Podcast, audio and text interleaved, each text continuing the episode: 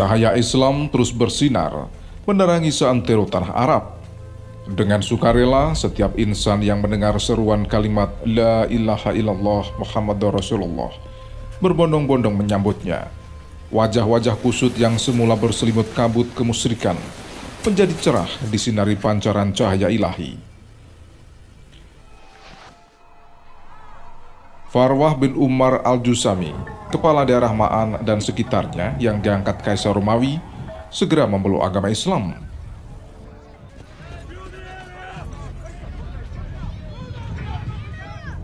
Mengetahui hal itu, para penguasa Romawi sangat marah, sebab Farwah bukan rakyat biasa, tapi kepala daerah yang menjadi panutan rakyat banyak. Mereka segera menangkap Farwah dan menjebloskannya ke penjara. Selanjutnya kepalanya dipancung, lalu diletakkan di sebuah mata air bernama Arfa di Palestina. Mayat yang disalib untuk menakut-nakuti para penduduk agar tidak mengikuti jejaknya.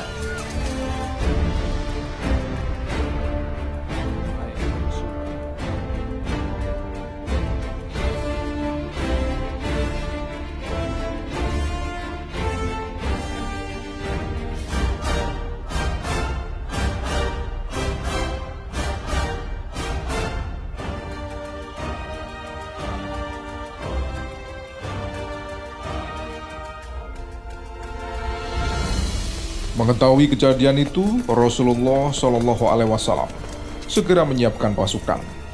Sebagai panglima perang, diangkatlah Usamah bin Zaid bin Haritsah. Kala itu usianya baru 18 tahun. Rasulullah memerintahkannya untuk mendirikan markas perkemahan di daerah Juraf di luar kota Madinah. Beberapa sahabat sempat mempertanyakan keputusan itu. Apalagi turut serta dalam pasukan itu adalah para sahabat yang cukup senior, seperti Umar bin Khattab, Abu Ubaidah bin Jarrah, Sa'ad bin Abu Waqqas, dan para sahabat lainnya.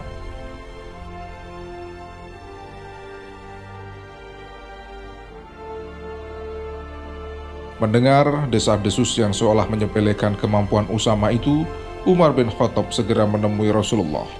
Beliau sangat marah, lalu bergegas mengambil sorbannya dan keluar menemui para sahabat yang tengah berkumpul di Masjid Nabawi. Setelah memuji Allah dan mengucapkan syukur, beliau bersabda, Wahai sekalian manusia, saya mendengar pembicaraan mengenai pengangkatan Usama. Demi Allah, seandainya kalian menyaksikan kepemimpinannya, berarti kalian menyaksikan juga kepemimpinan ayahnya, Zaid bin Haritsah. Demi Allah, Zaid sangat pantas memegang pimpinan. Begitu juga dengan putranya, Usama. Kalau ayahnya sangat saya kasihi, maka putranya pun demikian. Mereka adalah orang-orang yang baik. Hendaklah kalian memandang baik mereka berdua. Mereka juga anak sebaik-baik manusia di antara kalian.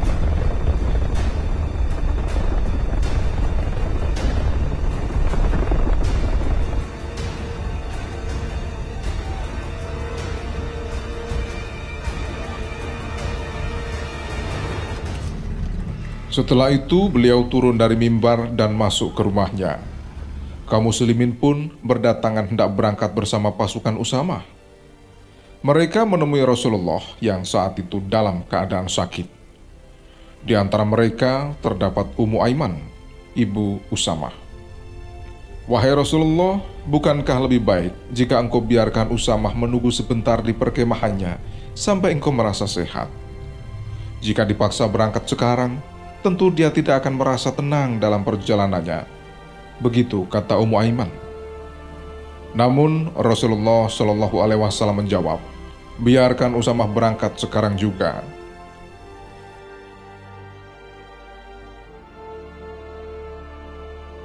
Tentara kaum muslimin saat itu sudah berkumpul di perkemahan pasukan. Malam itu mereka menginap dan keesokan harinya Usamah menemui Rasulullah Shallallahu Alaihi Wasallam yang sakitnya semakin berat. Ketika Usamah mencium wajahnya, beliau tak mengatakan apa-apa selain mengangkat kedua tangan ke langit serta mengusap kepala Usamah, mendoakannya.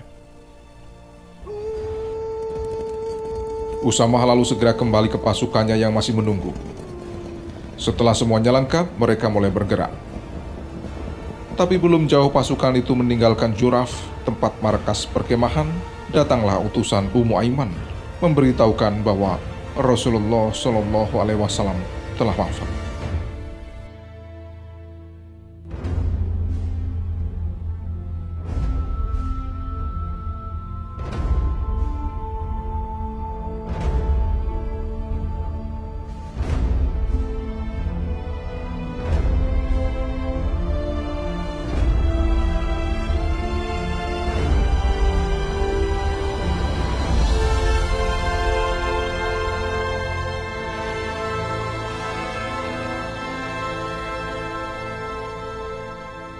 Usamah telah menghentikan pasukannya.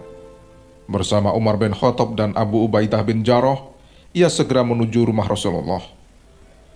Sementara itu, tentara kaum muslimin yang bermarkas di Juraf membatalkan pemberangkatan dan kembali juga ke Madinah.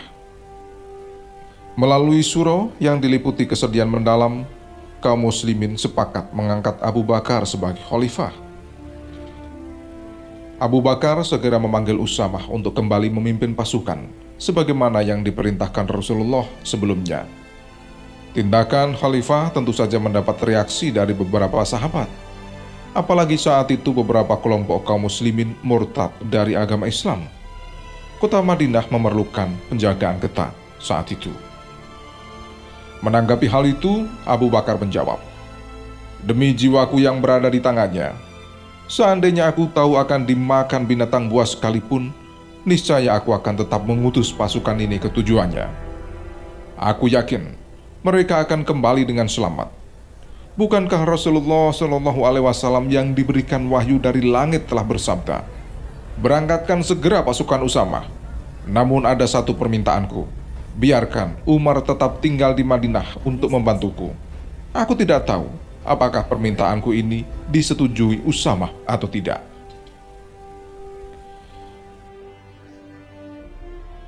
Gini para sahabat yakin bahwa khalifah mereka yang baru itu telah berazam sepenuhnya untuk mengirim pasukan Islam sebagaimana yang diperintahkan Rasulullah sebelumnya. Abu Bakar segera pergi menemui Usamah dan memintanya agar membiarkan Umar tinggal di Madinah untuk membantunya. Usama setuju. Abu Bakar lalu memerintahkan kaum muslimin yang semula bergabung dengan pasukan Usama untuk ikut serta. Ia juga memarahi mereka yang sempat menyepelekan kemampuan Usama. Ketika pasukan yang berjumlah sekitar 3.000 orang itu, 1.000 orang di antaranya menunggang kuda mulai bergerak. Abu Bakar datang untuk mengucapkan selamat kepada mereka saat itu ia berjalan kaki di samping Usamah yang menunggang kuda. Melihat hal itu, Usamah bergegas hendak turun dari punggung hewan tunggangannya. Namun Abu Bakar buru-buru mencegah. Demi Allah, jangan turun wahai Usamah. Biarkan telapak kakiku ini dipenuhi debu sabilillah beberapa saat. Bukankah setiap langkah berjuang akan memperoleh imbalan 700 kebaikan dan menghapus 700 kesalahan?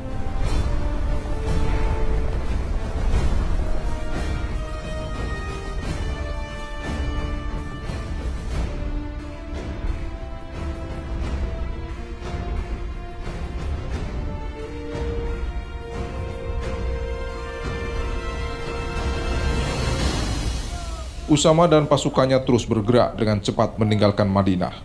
Akhirnya mereka tiba di Wadil Khuro. Usama mengutus seorang mata-mata dari suku Hani Adzrah bernama Huraij. Ia maju meninggalkan pasukan hingga tiba di Ubna, tempat yang mereka tuju. Setelah berhasil mendapatkan berita tentang keadaan daerah itu, dengan cepat ia kembali menemui Usama. Huraij menyampaikan informasi bahwa penduduk Ubna belum mengetahui kedatangan mereka dan tidak ada persiapan apa-apa. Ia mengusulkan agar pasukan secepatnya bergerak dan melancarkan serangan sebelum mereka mempersiapkan diri. Usama setuju. Dan seperti yang direncanakan, pasukan Usama berhasil mengalahkan lawannya